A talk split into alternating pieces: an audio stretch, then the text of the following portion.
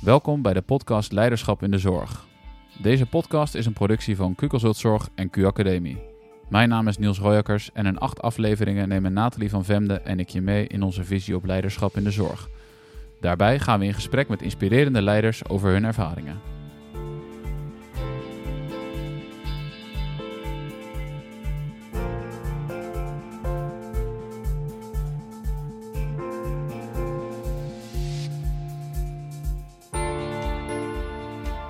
Uh, welkom allemaal weer en leuk dat je luistert naar, de, uh, naar een nieuwe aflevering van de podcast Leiderschap in de Zorg. Uh, en deze week hebben we, stellen we de rol van leider centraal. En Nathalie is er natuurlijk ook weer bij. Welkom Nathalie. Dankjewel. Um, en om deze de rol van leider te bespreken hebben we Lydia Helwig uitgenodigd. Um, in 1984 richtte Lydia het eerste adviesbureau in Nederland op dat zich richtte op diversiteit. Dat was toen nog helemaal geen maatschappelijk thema. De top van de Nederlandse politie, bestuurders en managers van vele organisaties in de zorg en het onderwijs trainden zij in het vormgeven van diversiteitsbeleid.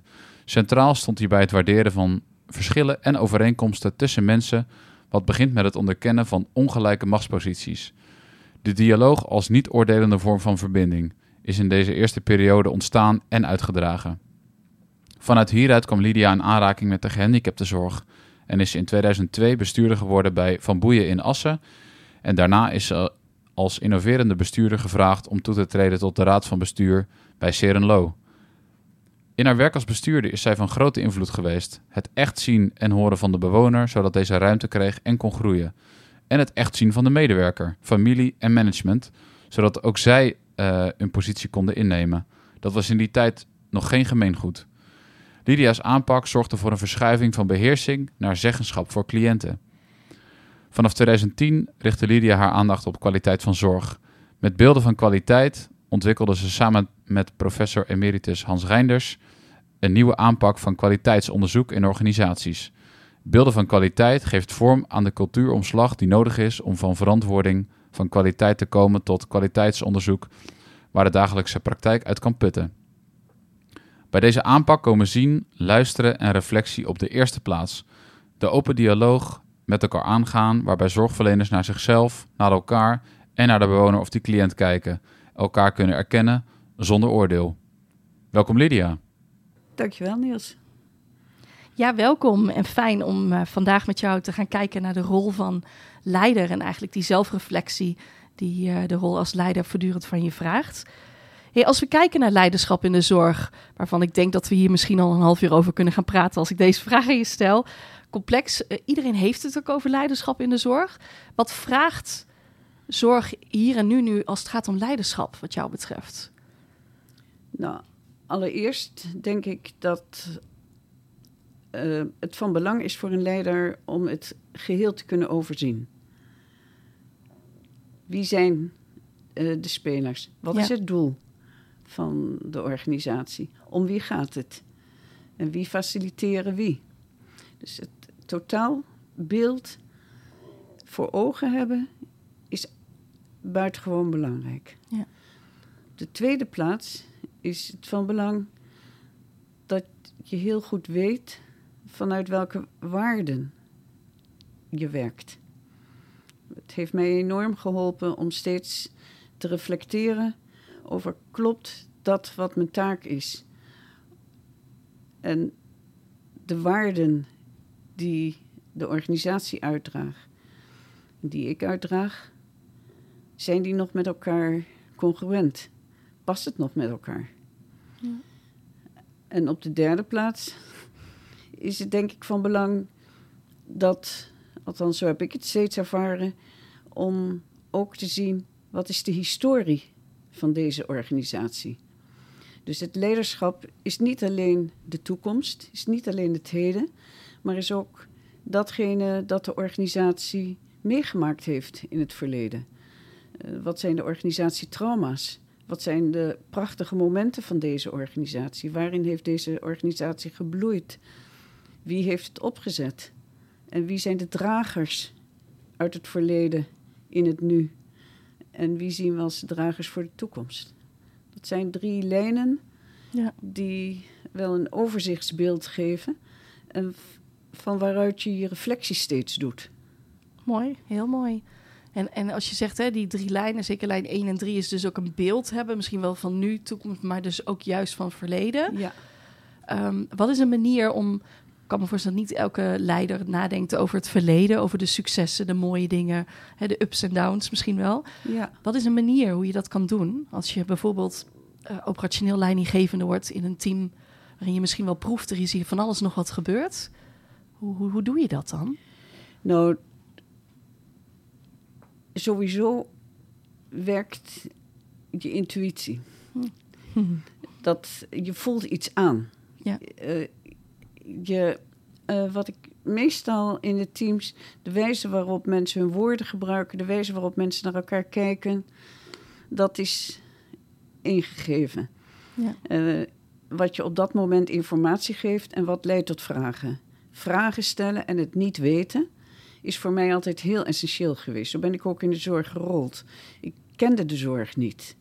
Achteraf bleek, ik ken de zorg wel als consument. En ik was een hele dankbare consument. Maar dus in die zin ehm, eh, kende ik wel degelijk de zorg Ja. als Ja. gebruiker. En dat bepaalt ook je motivatie. Mooi. Voor mij wel heeft dat mijn motivatie gekleurd. Dus in zo'n gesprek, door je op te stellen vanuit het niet weten, stel je ook de vragen waarvan je ziet dat het leven in de brouwerij brengt. De vraag op zichzelf leidt tot reflectie en uitwisseling en onderlinge verbinding. En dat geeft informatie. Het gaat er niet alleen zozeer om dat ik het begrijp, maar dat ik zie dat er in dat team iets gebeurt. Ja, want het is En ook vaak- verleden. Ja, en vaak Ja. heeft dat met iets uit het verleden te maken. Wat ik meestal wel deed van tevoren als ik in gesprek ging met een team, dan keek ik naar een aantal parameters. Dus wel een aantal hele concrete dingen. Eh, hoe lang werken de mensen hier? Hoe lang werken ze samen in dit team? Eh, wat zie ik, hoe is dit team samengesteld? Is het meer van hetzelfde of is het een heterogeen samengesteld team? Eh, niet alleen qua opleiding, maar ook qua leeftijd, qua culturele achtergronden, qua man-vrouw verhoudingen. Eh, het zijn de diversiteit was altijd wel een thema waar ik me van tevoren in Ja. verdiepte. Maar ook gewoon feiten. Eh, zijn het de jonge mensen die na of binnen een jaar vertrekken? Wat is hier dan aan de hand? Dus het zijn dan ook vragen die ik op basis van hele concrete parameters, op basis van cijfers, op Ja. basis van meetinstrumenten zou je kunnen zeggen, die bekeek ik. En die leiden ook tot vragen. Ja, ja, En daarmee, dat, als je zegt, nou, ik zie dat de afgelopen jaar vier mensen die eh, eh, nou, gewerkt hebben hier in een periode van eh, zes maanden tot negen maanden. En ze waren niet in opleiding. Dus wat heeft dat te zeggen? Wat was de betekenis voor jullie dat je zo snel weer iemand kwijtraakte? mooie Nou, vraag. en ja. dan, dan krijg je ook het gesprek. Dus belangstelling tonen, het niet weten. eh, je niet als Maar ook dus al- ook niet, hoor ik je zeggen, ook niet een eigen oordeel of analyse erop vellen. Nee, Dus het zien van, hey, dit is de situatie wat ik aantref. Of dat nou is met wat je aanvoelt, of al ziet in hoe mensen aan taal gebruiken, hoor ik je zeggen, maar ook in die parameters. En het vooral in de groep dan ja, de vraag stellen. ja, de Ja. afwezigheid van mensen. Ja. Goh, ik zie dat eh, er toch drie van jullie afgelopen twee jaar regelmatig afwezig waren. Ja, Had dat te maken met ziekte of met andere zaken? Was het werk gerelateerd? De persoonlijke sfeer? Nou, dit type vragen, dus ook nieuwsgierigheid, niet Ja. zozeer nieuwsgierigheid, belangstelling tonen. het Het oprecht wel dat ik het ook echt wilde weten. Ja. Het was niet Ja. zozeer voor mij een trucje, Nee, maar Nee. ik vond het dan echt interessant. Dan zag ik zo de mensen bij elkaar zitten. Toch Ja. altijd een beetje spannend. Je praat met een bestuurder. Ja. Ja, mooi, mooi. En, en je, je- het, het tweede wat je benoemde in het begin is, is dat je zegt vanuit mijn waarden. ehm, hoe wist je altijd al wat jouw waarden zijn in hoe je in het werk staat? Of heb je die op een bepaalde manier ontdekt wat voor jou belangrijk is? ja die heb ik ontdekt. Ja, dat is... eh, ik ben, kom natuurlijk uit een periode waarin zowel de vredesbeweging als eh, de bevrijdingsbeweging in Latijns-Amerika aan de orde waren. De guerrilla-bewegingen, de, eh, het feminisme Ja. kwam op, de vredesbeweging. Er waren in de zestiger jaren natuurlijk wel de, de studentenbeweging. Ja, ik zat er allemaal middenin. Ja. Dus je krijgt automatisch, eh, is er een reflectie op eh, hoe kan het ook? Ja, ja. En hoe willen we het eigenlijk? Wat willen wij voor samenleving? Of wat willen wij voor organisatie? Ja. Daar ben ik wel erg in getraind om op die manier waarde te ontwikkelen. En zeker ook anno 2023 nu, omdat dus elke keer die vraag te Ja, stellen en te ja. proeven van wat, wat willen we nu, wat, wat, wat kan wel of wat kan ook. Ja, Ja, en, en natuurlijk in begin jaren tachtig met een eh, eh, organisatie begon gericht op diversiteit. ja. Want toen, een toen eh, vond men dat geen thema. Ook niet op universiteiten. Men Nee. verwachtte, nee, dat wordt niet het thema in de samenleving. Maar toen we daar toch in doorzetten, ehm, ja, dan, dat heeft mij ook heel veel waarde gebracht. ja. En eh, niet alleen waarde, maar ook opvattingen over waardigheid. En met mensen in waardigheid praten en waardige vragen stellen. Voor jou ook belangrijke elementen als leider dus. Die- Ja, buitengewoon ja, belangrijk. ja. Ja. Maar daarmee dus ook weten wat je eigen waarde is. Ja, dat Ja. wel. Ja. Ja. Ja, Ja. wat mooi. Ja. Hey, ehm, ik, ik weet niet, ik weet inderdaad heel goed wat historie is. En je hebt veel samengewerkt met een collega van ons, Mirjam, die nog eh, later in de podcast Ja, komt. zeker. Zit je nu ook nog in teams of eh, dat je zegt van hé, hey, ik zie echt wel nieuwe uitdagingen op dit moment, de- die op leiders afkomen in de zorg? Wat wel eens ingewikkeld is. Ja, de, de spanning. Ik denk toch nog steeds dat er een spanning is tussen datgene, vooral in de zorg, wat er instrumenteel van een organisatie gevraagd wordt. En hoe kan een organisatie van binnenuit zich ontwikkelen? Ja. Door eh, de aandacht steeds te hebben op het doel, om de mensen om wie het gaat, helaas nog steeds cliënten genaamd, dan, eh, eh, ja, dan door, door iemand al te definiëren als cliënt, en niet als een persoon met een geschiedenis en een er- aantal ervaringen. En hoe kun je die ervaringen eh, benutten? Eh, daarin zie ik het spanningsveld. In, je, je merkt het in de taal. Ja. Eh, dus cliënt, dat je in een ziekenhuis patiënt bent, dat is vrij duidelijk. Het is een tijdelijke zaak, maar in de langdurige zorg het praten, blijven praten over cliënten. Ja. Het blijven praten over de cliënt staat centraal en dat betekent in feite, eh, je hebt een groot, als mens een groot omhulsel om je heen. We noemen het organisatie en dat zijn wij. Dus de ruimte die je hebt is de ruimte die je krijgt. Ja. Nou, dat is wel een, dus als bewoner om te ontwikkelen. Ook al ben je in je laatste fase van je leven. En eh, dan is het ook ontwikkeling. Wij definieerden altijd eh, ontwikkeling als de uitbreiding van een ervaring. Mooi. Ja. En hoeveel ruimte heeft iemand om die ervaring te ervaren? En te voelen en erover te reflecteren en te denken. En wat heb je nodig in deze ja. ervaring? Ja. Ja, het is te veel geprotocoliseerd. Dat Ja. die, eh, ja. Ja. Net, net weer dit afgelopen weekend een eh, signaleringsplan gelezen van iemand. Iemand uit de VG-sector. En iemand die ik ook uit de tijd dat ik bestuurder was al kende. Het zijn dan altijd eh, specifieke... Iedere organisatie heeft een aantal eh, mensen waar je erg veel geld voor krijgt. Oh, ja. En eh, nou, wat, wat betekent dat dan? En dan lees ik zo'n signaleringsplan. En dat is vooral geprotocoliseerd. Dus vooral, het doet me denken aan de oude typologieën. Eh, toen ik organisatiepsychologie studeerde, krijg je ook gewone psychologie. Dus je krijgt menselijke typologieën. Je leert in modellen denken. En na model 1 komt model 2. Na, na typologie 1 komt typologie 2. En, eh, en dat afgestemd op van minder erg naar heel erg. Ja. Maar wat is er goed? Mhm. En wat, wanneer functioneert zo'n persoon nou? Wanneer is zo'n persoon happy? Wanneer is zo'n persoon blij? Ja. En hoe kan dat materiaal opleveren voor de momenten dat iemand bijvoorbeeld ja, eh, eh, zichzelf uit zichzelf verliest? Ja, ja. Nou, hoe kun je dan datgene benutten? Hetzelfde met oudere mensen die naar een verpleeghuis gaan. Hoe kun je benutten dat Ja. iemand eh, vroeger ook een vak gehad heeft? Of ook een hobby gehad heeft? Of eh, ouder geweest is van ik weet niet hoeveel kinderen? Dus hoe kun je die ervaringen benutten? Mooi, ja. En je zegt, en, en ik zie het spanningsveld waarin we ook voor een deel zo eh, de zorg hebben ingericht hè, met protocollen, bureaucratisering. Heeft ons ook al wat opgeleverd, maar we zien ook echt wel een nadeel daarvan. En Ja. dat is dus het voorbeeld, je zegt, we denken inderdaad in, in de cliënt Ja. en niet in de ervaring of wat wel kan, wat wel mogelijk is. En het is dus misschien ook wel de rol van nou ja, de leider-reflector om dat gesprek Juist, aan te wakkeren Juist. weer. Ja, juist. Wat weten jullie van deze mevrouw? Ja. Wat weten jullie van Ja. deze meneer? Ja.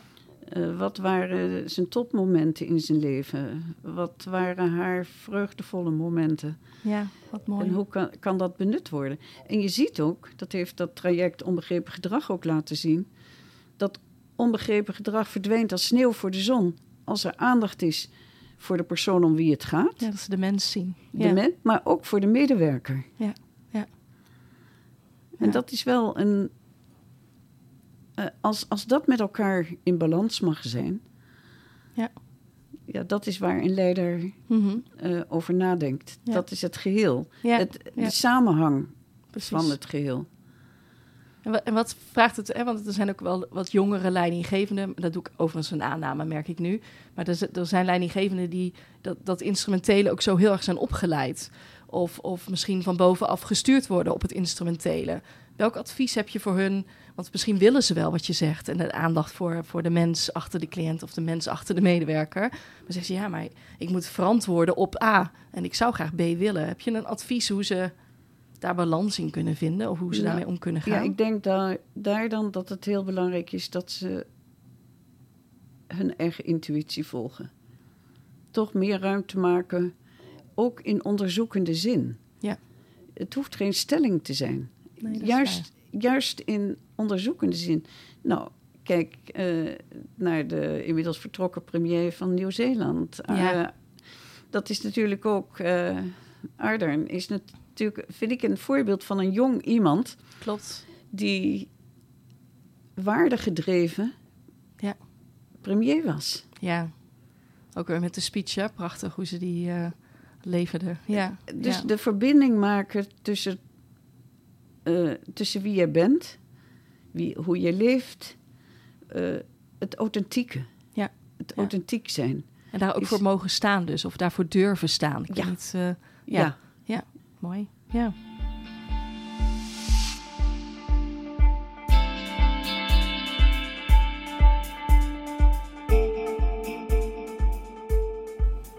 Hey, wat ehm, als we kijken naar eh, eh, die rol van, van leider en dat je dus heel bewust bent van jezelf, kun je een voorbeeld geven van, ja, ik denk heel veel voorbeelden, jouw kennende, van een project of een functie waarin je zegt, daar ben ik altijd heel bewust geweest van die reflector, dat authentieke. Ja, eh, dat was in de beginjaren van bestuurderschap. Hm. Ik zei al, ik, ik heb geen geschiedenis in de zorg. En, eh, en VG-sector, verstandelijk gehandicapte sector, daar ben ik in gestart. En eh, ik dacht altijd dat ik nooit een verstandelijk gehandicapt iemand ontmoet had. Dus dat zegt al iets Hm. van mijn eigen waarnemen. Dat kan natuurlijk niet. Ik was Nee. 50 eh, Ja. toen ik in de zorg kwam. Het is uitgesloten dat ik niet een verstandelijk gehandicapt iemand eh ken. Ik wist alleen maar van het filmdoek. Ja. Eh, mensen her- had ik beelden van. Dus dat was een oprecht niet weten. En ehm, wat ik deed is kijken naar de vijf mensen die, eh, eh, waar we als organisatie het meeste geld voor kregen. En eh, ik weet dat, nou, daar was ik ook nieuwsgierig naar. Wat zijn dat dan voor mensen? Ja. Dat we voor hen zoveel geld krijgen om, om het goed te doen. Ja. En ik weet dat ik rondom die vijf mensen, ook in de kennismaking, allemaal mensen bij elkaar. Toen, en ik schrok een beetje van hoeveel mensen er ook mee bezig waren. Dus de persoonlijke begeleider, activiteitenbegeleider, geestelijke verzorging, psycholoog, eh orthopedagoog, eh, de arts, nou, noem maar op. dus ik had een tafel met, nou, ik geloof tien mensen. Zo. En we hadden afgesproken, we, ehm, we lezen het zorgplan. En ik heb een aantal vragen daarover. En kunnen we daarover het gesprek samen voeren? Nou, dat gesprek vond plaats. En het viel me op dat niemand binnenkwam met een map of iets dergelijks. Dus dat vond ik eigenlijk ook wel een mooi teken. Ik dacht, Ja. ze kennen dat zorgplan. Dus ik vroeg ook, eh, hebben we het zorgplan? Nee, daar hebben we geen tijd voor. We hebben het veel te druk om die zorgplannen nu te gaan lezen. Besef je wel hoe druk we het hebben? Dus ze hadden een boodschap aan me. Ah, en dat ja. was, was voor mij ook heel duidelijk. Ja, toen dacht ik, nou, nu vraagt het creativiteit. Wat ook natuurlijk een taak is van eh, kunnen schakelen. Ja. En, en eh, ik zei, nou weet je, laten we gewoon beginnen eh, met één iemand. Wat, weet, wat weten jullie van Marcel? En we maakten de ronde. Wie, wat, wie wat wist van Marcel. Ja.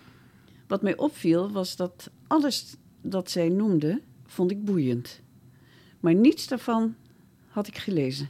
Oh, wauw. Dus er Ja. was werkelijk niet één iets dat in dat zorgplan stond. Nee. En wat ik nu rond de tafel hoorde. En dat zorgplan leidde bij mij wel tot allerlei eh, vragen. Maar toen ik dit zo hoorde, kon ik alleen maar van... wat is nu dat jullie dit nu van elkaar weten, eh, horen? Want ze zeiden zelf, goh, wat boeiend is deze ronde, zeg. Ja. Om Dus ze gingen met elkaar, integraal ze gingen met elkaar het Ja. gesprek aan, omdat ik vroeg, wat weet jij van Marcel?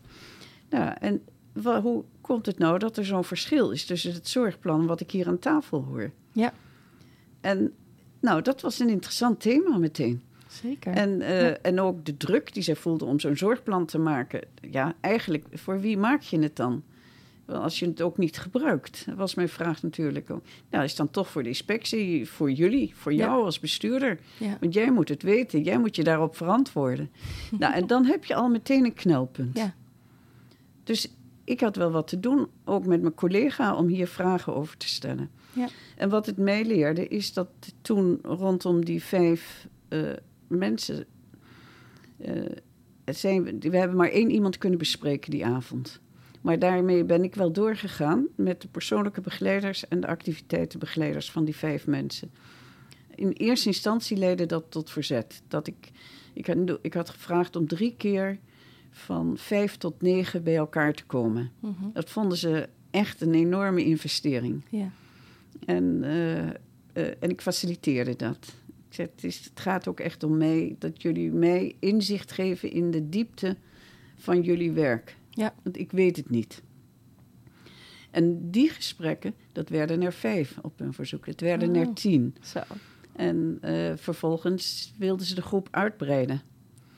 En werd, het is tot 15 gegaan en daarna zijn we gestopt. En zijn ze onderling verder gegaan, omdat ik zag hoe ongelooflijk wezenlijk de, de, de samenwerking was onderling, maar ook het volgen van je intuïtie. Ja. En ik kon bijvoorbeeld van die vragen stellen. Van, ja, dan, ik, dan hoorde ik het woord scheurpak vallen. Hm. Ik had nog nooit van een scheurpak gehoord. Dus ik kon oprecht zeggen, wat is een scheurpak?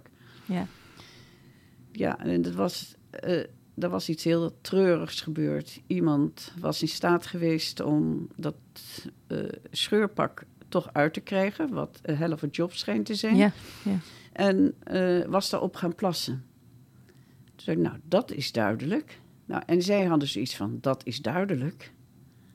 Ik wat zegt hij daarmee? Mhm. Ik zeg, voordat ik het te veel ga interpreteren. Maar wat, was, wat zegt hij daarmee? Ja, ja, nou, ja, ja dat doe je niet. Hij deed het. Nou, zo'n gesprek dan. En wat uiteindelijk leidde dat ertoe dat deze meneer, eh, om, zoals het dan heette, nou, iemand die autistisch is, moest prikkelarm begeleid worden. Een heel scala aan zaken waar ik later toch een beetje allergisch op ging reageren als ik dit soort eh, Mhm. eh, eh, begrippen hoorde. Maar die meneer, die bleek. eh, zei, hebben, hebben jullie wel eens ooit met hem. Heeft hij wel zelfs zijn kleren mogen uitzoeken? Ja, dat kan niet. Eh, En, en, eh, zelf mogen kopen. Ja, hij verbouwt de hele winkel. Nou, hoe zou het zijn om met hem te zeggen... nou, je hebt dat toen gedaan, André. En hoe... ehm, eh, je was heel ongelukkig. Je hebt dat Hoe zou het zijn om dan hem dat aan te bieden? Nou, dat kan echt niet. En bovendien vindt de orthopedagoog dat niet goed. Hm. Toen heb ik s'avonds die orthopedagoog gebeld. Ik zei, morgen krijg je een vraag. Ik ga je niet zeggen welke vraag. Maar ik vraag wel aan jou, wil je oprecht luisteren en kijken wat er voor mogelijkheden in de vraag zit die zij aan jou gaan, gaan stellen. Hm. Dus ik wist wel dat zij daarmee, ze was Oh, wel bestuurdersgevo- bestuurdersgevoelig. Ja. Eh, ik wist wel dat ze met extra aandacht zou luisteren. Ik had haar niet gezegd wat ze moest doen of wat dan ook, maar wel wil je luisteren Ja. en eh, eh, overwegen of het voorstel een goed voorstel is. Nou, ze hebben voorgesteld, en dat hebben ze ook opgenomen op video. Dan zeggen ze, André, hoe zou het zijn, want ze vond het uiteindelijk Mhm. goed om het experiment aan te gaan. André, hoe zou het zijn om dit, eh, om, om zelf je kleren te kopen? Wanneer? Nu? Oh, Zei jeetje, meteen? Gelijk, ja. Zij wilde dat allemaal eerst uitzetten en dan naar eh, de winkel in Assen gaan en dan eh, zorgen dat die winkel na sluitingstijd en ze wilde dat allemaal goed organiseren. Nee, hij wilde nu en hij werd helemaal opgetogen bij dat idee. Toen hebben ze, zijn ze met z'n tweeën, de activiteitenbegeleider en persoonlijk begeleider, samen met een camera, een cameraatje dat ze zelf bezig hadden, eh, naar eh, een CNA gegaan. En André liep op de, op de kledingafdeling af, op de, eh, de pantalons, op de, de overhemden, op de truien. Wist precies wat hij bij elkaar wilde hebben. Legde het bij de toonbank en zei: En nou gaan we patat eten. Want dat deed, doe, ik- deed ik met mama ook altijd. Ach. Nou, toen zei hij: Ik wil mama bellen. ja. En het ging smoothly. Het was Ja. binnen een kwartier gebeurd. Ja. Hij had de mooiste combinatie eh, gemaakt. Hij, hij belde zijn moeder op. Mam, ik heb de winkel leeggekocht. Nou, dat, wat dat dan teweegbracht... Ja. Hij met een begeleiding, zoals dat zo weinig respectvol heet... één op één begeleiding... Mhm, ja. eh, eh, kon op dat moment ging niet meer scheuren. Hij had zijn eigen kleding. Waar hij trots op was. Waar hij trots van- op ja. was. Wat Ja. hij zelf gekocht had. Net Ja. zoals hij vroeger deed met zijn moeder. Ja. En nou, wat dat betekent... Uiteindelijk is hij zelfstandig gaan wonen. Zo. Ja. Dus zo'n kleinigheid door niet weten... Nou, dit soort voorbeelden Ja. in dat traject... wat we van vijf tot negen deden, waren legio. Ja. Steeds zoeken naar andere wegen. Ja. En het leerde mij ongelooflijk veel. Het leerde mij denken in de begeleider. Het leerde me denken, eh, verplaatsen in de bewoner. In de eh, naaste van de bewoner. Mhm. En in dat wat de medewerkers drijft om het werk te doen, niet alleen volgens de protocollen en volgens de richtlijnen van dat wat er van hen verwacht wordt, Ja. maar vooral ook volgens waarnemen. Wat neem je waar? Wat eh, w- ga met elkaar naar betekenis zoeken. Ga met elkaar naar de samenhang zoeken. Ja. Ja, dat was voor hen een gouden tijd. Ze Ja. vonden dat ook Een heel mooi he- voorbeeld. ook- Ja. heel duidelijk. Ja, en, en, en ook een voorbeeld vanuit jouw leiderschap die je op dat moment hebt laten zien, ook van ze uitnodigen en ook stimuleren van ga hem aan. Hè? Dus, dus de mogelijkheid creëren om dus zo'n Ja. sessie te hebben van vijf tot negen, waarbij hoe ze binnenkwamen voor mij heel herkenbaar is. Ook als teamcoach wel eens van, "Poeh, oké, moet- we moeten hier zitten en ik heb een uur de tijd hoor. En, maar eh, het kost ook tijd volgens mij om op deze manier te gaan kijken. Dit kan je niet inplannen dat je hier een half uurtje over doet. Nee, nee Zoals- dat, is, dat is een proces dat je met elkaar aangaat. En dat proces werkt als een olievlek. Ja, ja. Dus op het moment dat er een incident is. Kijk, ik had een aantal dingen, was ik altijd wel heel duidelijk in. Ook later in andere organisatie. Alles dat met beperking te maken heeft, vrijheidsbeperking, dat doen we niet. We blijven net zo lang zoeken totdat we andere wegen vinden Ja. om een specifiek vraagstuk op te lossen. Voor alles is altijd wel minstens één elegante, Ja. elegante oplossing. Ja, ja. Nou, als je dat nu zoekt en samen op onderzoek gaat en kijken wat werkt. En Ja. fouten maken mag. Mhm. Va- van fouten kun je leren. Dus daar word je niet op bestraft. Interesseert me niet zo erg of je dat nou noteert of niet. Als het voor anderen is waar anderen van kunnen leren, dan is het boeiend. Oh ja. Ja. Dat is iets Ja. anders dan een MIC-melding. Zo, Zo'n begeleidingsplan dat ik eh, in dit weekend las. Ja. Of signaleringsplan dat ik in dit weekend was. Nou, en vervolgen, vervolgens eh, noteer je dit als een MIC-melding, dit als een min-melding, dit als een... Mhm. Ja. Ja. Ja. Ja, wat, wat is nou de persoon? Wat wordt die persoon om wie het gaat? Eh, ja, wat draagt dat bij aan zijn levensvreugde? Ja. Welke levenswaarde wordt van, voor hem vervuld? Ja, ja. Als er zo naar je gekeken wordt als de afwezigheid van een probleem. Nou, er is vandaag, vandaag is er geen probleem. Dat staat er dan ook. Geen probleem vandaag. Ja. Ja, wat Ja. was er dan wel vandaag? Ja. Ja. Wat, wat liet hij zien? Ja. Of wat liet zij zien? En als je, als je eens terugkijkt naar jou als, als mens, wat maakt dat het voor jou, zo komt het over, zo natuurlijk is om dit soort vragen te stellen en, en zo te kijken? Welke waarden zitten daar bij jou zelf achter, als ik dat mag vragen? Het is zo, ja, zo natuurlijk, wat ik zeg, zo authentiek, dat het Ja. zo oppopt bij jou. Ja, ik, ik werd. ehm, eh, ik ben opgegroeid met een moeder die hier als vluchteling is gekomen. Na de Tweede Wereldoorlog. In een Nederland dat natuurlijk niet Duits gezind was. Nee. En mijn moeder eh, heeft de taal geleerd via het Duits. Eh, zij sprak veel eh, talen, dus zij sprak onder andere Duits. Dus ze heeft Nederlands ook eh, geleerd via het Duits. Ze sprak uitstekend Nederlands. Maar ik zag meteen... en ze had opvattingen over geschiedenis, ze had opvattingen over aardrijkskunde. Ze had een hele Oh. brede belangstelling, maar ze kwam toch uit die rare landen. Oh ja, ja. Dus de eerste dag op school zei, leerde ik al dat ik vooral Nederlands moest praten. Ja, natuurlijk. Eh, Ja. eh, dus ik kreeg meteen een boodschap voor mijn moeder mee. Ja. Ik zag in het huwelijk van mijn ouders de verschillen. Ik zag wat het betekent om zonder eigen ouders op te zijn als vreemdeling in een land en opgenomen te worden in een Nederlandse familie, waarin je in feite niet opgenomen wordt. Nee. Dus, en als oudste heb ik dat wel heel goed, eh, goed leren kijken via de ogen van mijn moeder. Ja. Maar ook via, door de Nederlandse bril naar mijn moeder. Ja. Dus, en ja, en, en op school, ik was dol op de juffrouw of op de meester. Maar ik was ook dol op mijn moeder. Mhm.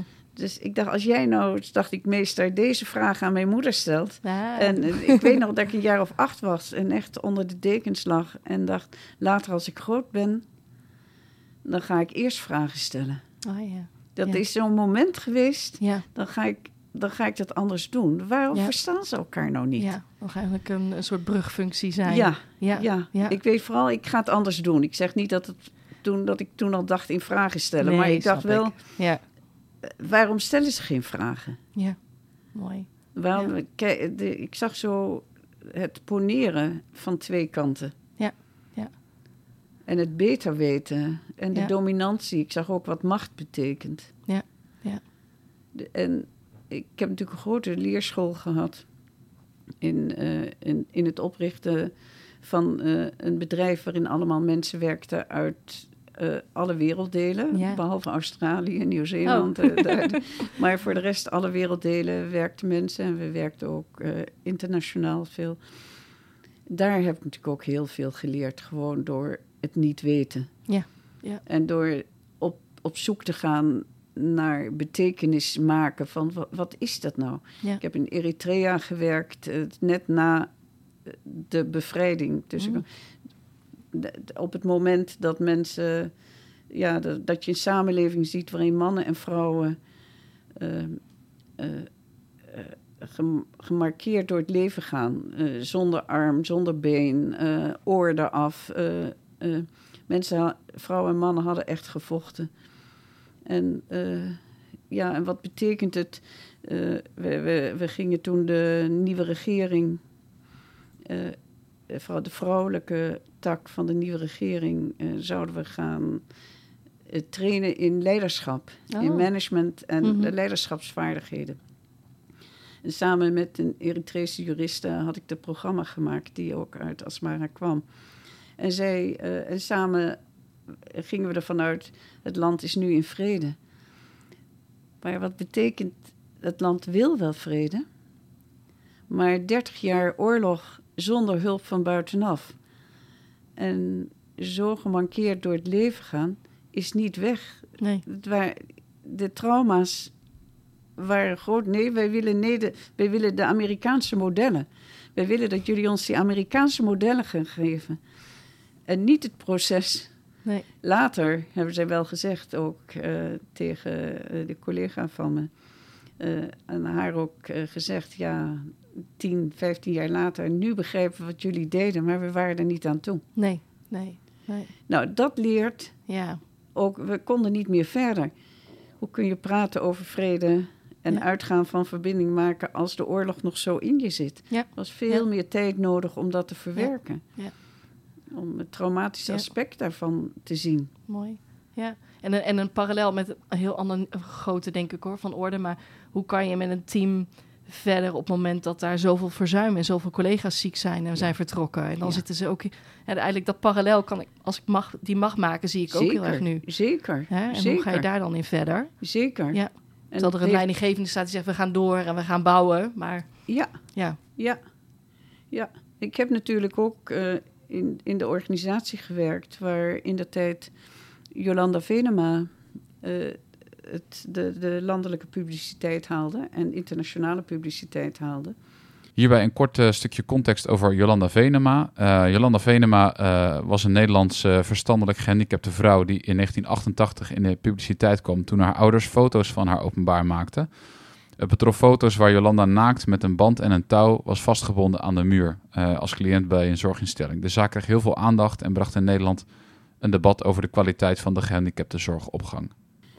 En een van de elementen die ik daar tegenkwam... was dat het team van behandelaren gewoon niet goed werkte.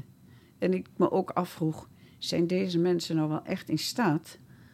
om de functie uit te voeren die ze uitvoeren? Dit zijn toch allemaal hooggeschoolde mensen? ja, En wat gebeurt hier in dit team? Dus ik ben met hen ook samengezeten. We hebben daar organisatieopstellingen ja. gedaan. Die heb ik niet zelf gedaan. Heb ik, een, eh, eh, ik was daar wel in opgeleid. Ik heb daar een eh, eh, collega voor gevraagd om dat te begeleiden. En wat liet die opstelling zien? Hoe dit team eigenlijk vanaf het moment... En dat was in 2002. In 1988 was eh, de, zoals het heet, de zaak Venema. En eh, dus er waren zoveel jaar overheen gegaan. ja, En nog steeds had het team daar last van dat met alle goede bedoelingen de bestuurders van toen allemaal mensen naar binnen gehaald hebben van buiten. Allemaal deskundigen Hmm. om deze zaak te bekijken. En eh, naar de buitenwereld toe ook eh, nou, een goede verantwoording af te geven. Maar naar binnen toe, de psycholoog die haar begeleidde, was niet in eer hersteld. De eh orthopedagoog was niet in eer hersteld. Die hadden, dat is voortdurend, omdat jullie verkeerd gehandeld hebben, is dit zo geëscaleerd. Hoe hebben Oh. jullie dit kunnen doen? ja. En dat hele team had daar last van. ja, die hebben het niet kunnen verwerken, maar ook helemaal niet mogen leren. Nee, en als, Nee. als bestuurder sta ik in dat spoor van die vorige bestuurders. Ja. Dus kan ik, dan wil ik ook niet denken, ja, maar ik doe het anders. Dat is vaak wat je bestuurders gaat doen. Nou, ik heb gezien hoe dat tot nu toe gegaan is. Ik ga dat totaal anders doen. Dan ga je niet slagen, is mijn absolute eh, opvatting. Ja, Dit, dan ga je niet slagen. Als je niet in het spoor gaat lopen van je voorgaande bestuurders, in wiens voetsporen jij nu mag opereren, Ja. dan, eh, eh, als je dat niet doet, dan ga jij niet slagen in je werk. nee. En wat betekent het dan als je zegt in het spoor lopen? Nou, het betekende ook dat ik vanuit de rol van de bestuurder toen mijn oprechte excuses kon maken Oh ja. dat ik dit niet gezien heb. Ja. Als ik dit gezien zou hebben, dan zou ik dit echt niet zo lang en zoveel jaar hebben laten lopen. Dit In spijt plaats van me, zeggen dat is, dat is door hem gedaan of dit haar. spijt dan kan me ik, heel ja, erg. Ja. Heel erg. Ja, Dat, en dat, dat meende ik uit de grond van mijn hart. Ik voelde ook de emotie daarbij. Ja. Dat ik dacht, oh, dit, dit heb ik vanuit mijn rol mhm. laten lopen. En kijk eens hoe beschadigd de mensen hierdoor zijn. Ja. Dat betekende dat er geleidelijk aan weer opgebouwd kon worden. Ik kreeg ook een brief van een van, de, van een gezin, van een van hen. Dat zij voor het eerst hadden we weer een kerstmis. Het was op 22 december dat we Hmm. die bijeenkomst hadden. En Ja. voor het eerst was er kerstmis zonder dat, dat die ons- zwaarte of die... Ja. ja. ja. Dank je wel Ja. dat je dat met mijn partner hebt, ook namens de kinderen, dat je dit gedaan hebt. Nou, dat Ja. zijn ehm, ja, dus de excuses aangekomen. Maar Ja. ik weet ook nog zo goed dat ik zelf met kerstmis daar heel erg mee bezig was. Ja. Dat ik dacht, ja, hoe, hoe, hoe kon dit zo lang duren? Ja, ja. Daarna is het een heel bloeiend eh, team eh, geworden. Goed, goed te horen. Ja, Ja, één iemand eh, is toen vertrokken en de rest is toen een heel bloeiend, goed samenwerkend team geworden. mooi. Ja, ja voorbeeld laat, laat mij, wat mij betreft ook zien dat je ook heel erg jezelf als mens dus meeneemt als bestuurder. Eh, daar nog tips in voor mensen die... Ja, is- authentiek, authentiek zijn. Verontschuldigingen kunnen aanbieden. Complimenten geven als je, ze ook, als je ze ook meent. Ja, Niet van alleen, oh wat goed van je joh. ja, Dat kan. Ja. Maar dat is, Ja. dan, kan dat, dan kan een compliment ook heel badinerend zijn. mhm. Vanuit macht Ja. zeg je dan, nou goed gedaan meisje. Ja. Goed gedaan knul. ja. Nee, nou, dat, dat werkt niet. Nee, Nee, als je goed kunt benoemen, de manier waarop je daar de verbinding maakt, dat klinkt alsof je daarmee de, de relatie opende. ja, ja, Ja, ja, nu je dat zegt, dat is ook zo. En dan komt een vervolgverhaal. mooi. En mooi. Ja. wat goed dat je dit proces aandurft. En wat betekende dat voor jou? Ja. Dus het gaat erom steeds die reflectie die je zelf hebt, Ja. ook over te dragen aan de ander. Dus zij gaan vanzelf vragen stellen. Wat mooi. In plaats van meningen ventileren. Ja. En dat verbindt. En wat betekent dat voor jezelf? Als ik zie best veel eh, leidinggevenden die ik coach of die in leiderschapsontwikkelprogramma's zitten, die ook een hele hoge lat hebben voor zichzelf. Dus, dus wat bij mij gevoelsmatig oppopt, nu je dit verhaal vertelt, denk ik, oh, dan moet je misschien ook liefdevol voor jezelf zijn. Ja. Of eh, om dit te kunnen doen, moet je ook heel goed voelen wie je bent, authentiek, maar dus ook het oké vinden dat je soms iets doet wat niet landt. Of, Ja. Dus ik was benieuwd of je daar iets nog over kan zeggen als, denk ik, een beetje richting afronden. Ehm, wat, Ja, wat betekent dat? Hè? Kijk, d- ja. het ligt aan als jij een boodschap hebt van dat. eh, ik wil graag met de organisatie om financiële redenen. Omdat bijvoorbeeld de Raad van Toezicht in de nek hijgt. Ja. Eh, wat een toch vaak een grote drijfveer is ook. Ja. Eh, dan, dan moet ik dit voor elkaar krijgen. Nou, dat zelf al denken op het moment dat je denkt: ik moet dit voor elkaar krijgen, dan, ga je, dan gaat het niet lukken. Nee. Als je gaat hoe gaan we dit vraagstuk met elkaar oplossen? We zitten met een beperking van een budget. Of we zitten met een... hoe, welke creativiteit kunnen we inzetten om dit vraagstuk op te lossen? En hoe, met als uitgangspunt, hoe gaat de persoon om wie het gaat hier niet slechter van worden? En hoe gaan wij als werkende met deze persoon er ook op vooruit? Ja. Nou, gaan, laten we eens gaan puzzelen met elkaar. Wat zouden ideeën kunnen zijn? Ja. Dan is het een gemeenschappelijk vraagstuk. Ja. Ligt het ook minder zwaar op je eigen schouders? dus hè? het proces Ja. laten gebeuren bij het proces waar het hoort. Mooi. Ja. En jij geeft sturing aan dat proces. Jij zorgt dat het proces genoeg vitaal is om het proces ook proces te laten zijn. Ja, ja. En je af te vragen vanuit welke. Ik denk dat dat heb ik wel heel veel gedaan. Dat gaat ook automatisch. Vanuit welke aannames zeg je dit nu? Waar denk je dan aan te voldoen? En dan blijkt ook dat in opleidingen mensen weinig aandacht besteden aan je motivatie om de zorg in te gaan. Dat breekt zich dan op. Ja, ja. Dus opnieuw, dan betekent het dat om te kunnen versnellen, moet je eerst vertragen. Dat betekent dat je teruggaat naar waarom doe ik dit werk eigenlijk. Ja.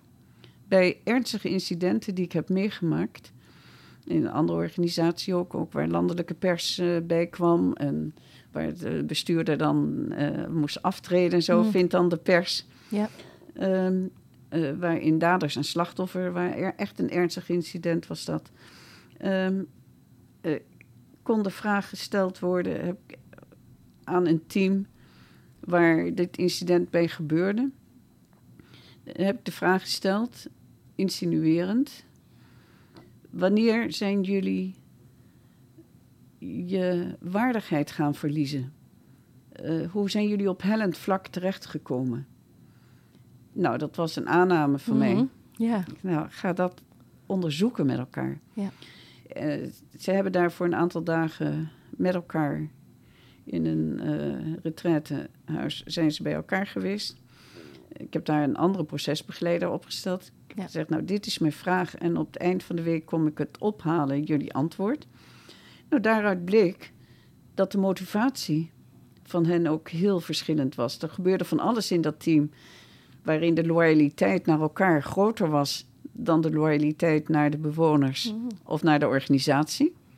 Dus toch, ze deden ook allemaal dingen die eigenlijk het daglicht niet verdroegen Hm. met elkaar, maar hielden elkaar de hand daarin boven het hoofd. Ja. En de, het resultaat was dat een derde van de groep die zei: Wij willen doorgaan met deze eh, doelgroep.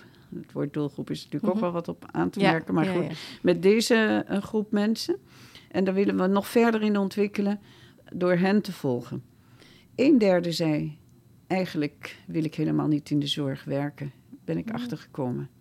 En de andere derde zei, ik wil met ander type bewoners met verstandelijke beperking werken. Oké. En eh, dit, is, dit is te zwaar Ja, eh, ja. voor mij. Nou, dat, dat, dat is een mooi resultaat. Heel mooi. Ik kreeg trouwens Ja. ook, van, terwijl ik van tevoren met vakbeweging die op de stoep stond, Mhm. ondernemingsraad allemaal, kreeg ik na afloop samen met de, eh, de manager toen van eh, eh, dat team, kregen we hele grote bosbloemen. Ja. ja. Nou, dus zij waren blij dat ze de rust gekregen hebben om te reflecteren. ja, terug naar de essentie ook. Terug weer Ja. naar de essentie. Ja. Terug ook naar dat wat opleidingen nalaten. Ja, ja. En het, het, de gedachte, we, ik moet, er is een stem, ik moet ergens aan voldoen. Het zij voor iemand, het zij voor iets. Het Ja. zij, in plaats van, wat zie ik hier gebeuren? Ja. Hoe kan ik nou vanuit wie ik ben hier mee omgaan? Hoe durf je een fout te maken? Zonder dat je daarop aan wordt gesproken. En wat is fout? Ja. Nou, hoe, durf, hoe kun je je oordeel achterwege laten, je interpretatie achterwege laten en eerst kijken? En het klinkt zo logisch. Ja. En dat is een kwestie van oefening. En ik zie hoe snel mensen die oefening, als het gestimuleerd wordt, hoe snel ze dat Ja. oppakken. Ja. ja, sluit ik me zeker bij aan. Ja. Want je kunt zeggen, de, in een organisatie die hebben allemaal waarden. Al de, al de eh, kijk maar in de zorg, bijna alle sites lijken op elkaar. Zeker, Er zijn ja. eh, weinig varianten. Eh, en allemaal eh, waarden staan genoemd. We beginnen eens te vragen in een team, wat is voor jou respect? Nou, wat is voor jou vrijheid? Ja. Nou, we hebben een VVD, we hebben een PVV.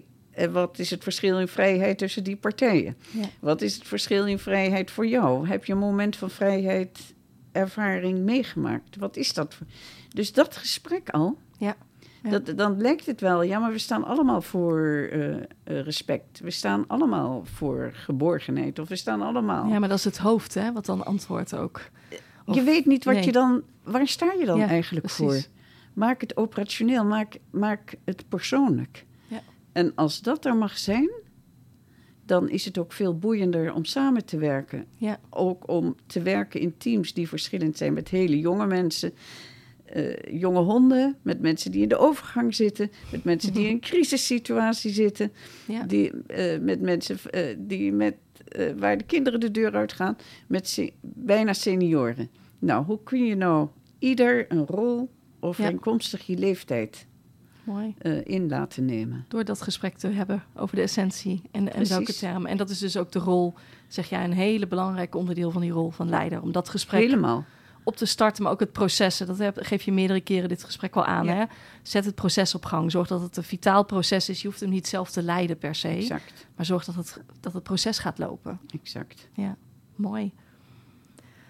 Ja, ik wil je vooral denk ik bedanken voor het gesprek. Heb ik nog iets gemist? Dat je zegt nu zo we dat over dat gesprek hebben gehad. Want volgens mij kunnen we nog heel lang doorpraten. Je zegt, oh, dat vind ik nog belangrijk om te markeren. Of Nee, ik heb het idee dat de essentiële ingrediënten, reflec- reflectie, vragen stellen, Ja. eh, eh, voordat je gaat analyseren, eerst observeren. Wat zie je? Samen uitwisselen wat je ziet. Samen een beeld vormen. Eh, uitwisselen, ontwikkelen. Dat zijn allemaal termen Ja. die bij de leidersrol eh, horen. Denk ik ook. Vanuit je eigen authenticiteit. Ja. Weten wie je bent. Ja. ja mooi. De samenhang zien. Nou, prachtig. Prachtig om zoveel ervaring te horen. Juist ook leuk de ervaring uit zorg en niet-zorg. Want laten we ook niet... Het is, we hoeven ook niet alleen maar leiders te hebben die allemaal uit de zorg komen. Oh nee, Ik nee. denk dat het juist heel mooi is ook hier in diversiteit te hebben. Ja, Dus eh, ontzettend bedankt voor je bijdrage. En ehm, nou, tot de volgende keer weer. bijzonder graag gedaan. Ja, dankjewel. Dank je wel. Dankjewel Lydia voor je, voor je bijdrage. Zoals Nathalie natuurlijk terecht al, eh, al zei, hartstikke fijn. Was mooi, eh, mooi gesprek om, om naar te luisteren. Eh Nathalie, als ik jou weer mag vragen om eh, kort terug te blikken op dit gesprek en eh, daar een paar zinnen aan te wijden. Nou, dat is bij deze wel een uitdaging, want er zijn heel veel highlights wat mij betreft. Ehm, wat me vooral bij blijft is dat ze zegt om vooruit te gaan moet je vertragen. Ja. Of wil je vertragen? En in die rol om te vertragen zie dan die drie dingen, of ben bewust van drie dingen. Het beeld, vorm een beeld als Mhm. leider. Ehm, ben bewust van de waarden die jij hebt en de waarden van een organisatie. Ja. En, en ben ook bewust van het verleden en wat je aantreft. En daar had ze volgens mij prachtige voorbeelden van. Eh, dus ja, waar je, wat je dat ziet. Ja. Veel vragen stellen. Ja. Ja, ja, hele, hele mooie voorbeelden gaf ze inderdaad. En eh, ik vond het ook heel mooi dat ze zei van, eh, vanuit een positie van niet weten dat ze nou ja, teams en personen zeg maar benadert. En dat is natuurlijk mooi vanuit een bestuurdersrol en hiërarchisch hoog gepositioneerd, dat je toch hè, vanuit een positie van onwetendheid eh, ja, alles benadert. Dat vond ik Ja. heel mooi om te horen. Misschien ook juist dus de persoon bent om het proces aan te zetten. Ja, zeker. Ja. Ja. Ja, heel mooi. Mooi, dankjewel. Jij ook weer, eh Nathalie, deze week. Ehm, volgende de week is de, de laatste afle- aflevering van de, de podcastreeks eh, Leiderschap in de Zorg. En daarvoor hebben we eh Meer Martens uitgenodigd. Zij is senior consultant en partner bij Q-Consult Zorg. En met haar gaan we terugblikken op alle gesprekken die we gevoerd hebben eh, met eh, de inspirerende leiders. En eh, en blikken we ook vooruit en proberen we een eh, praktische vertaling te maken. Dus eh, hopelijk eh, luisteren jullie volgende keer eh, weer eh, naar de laatste aflevering. Tot eh, volgende week.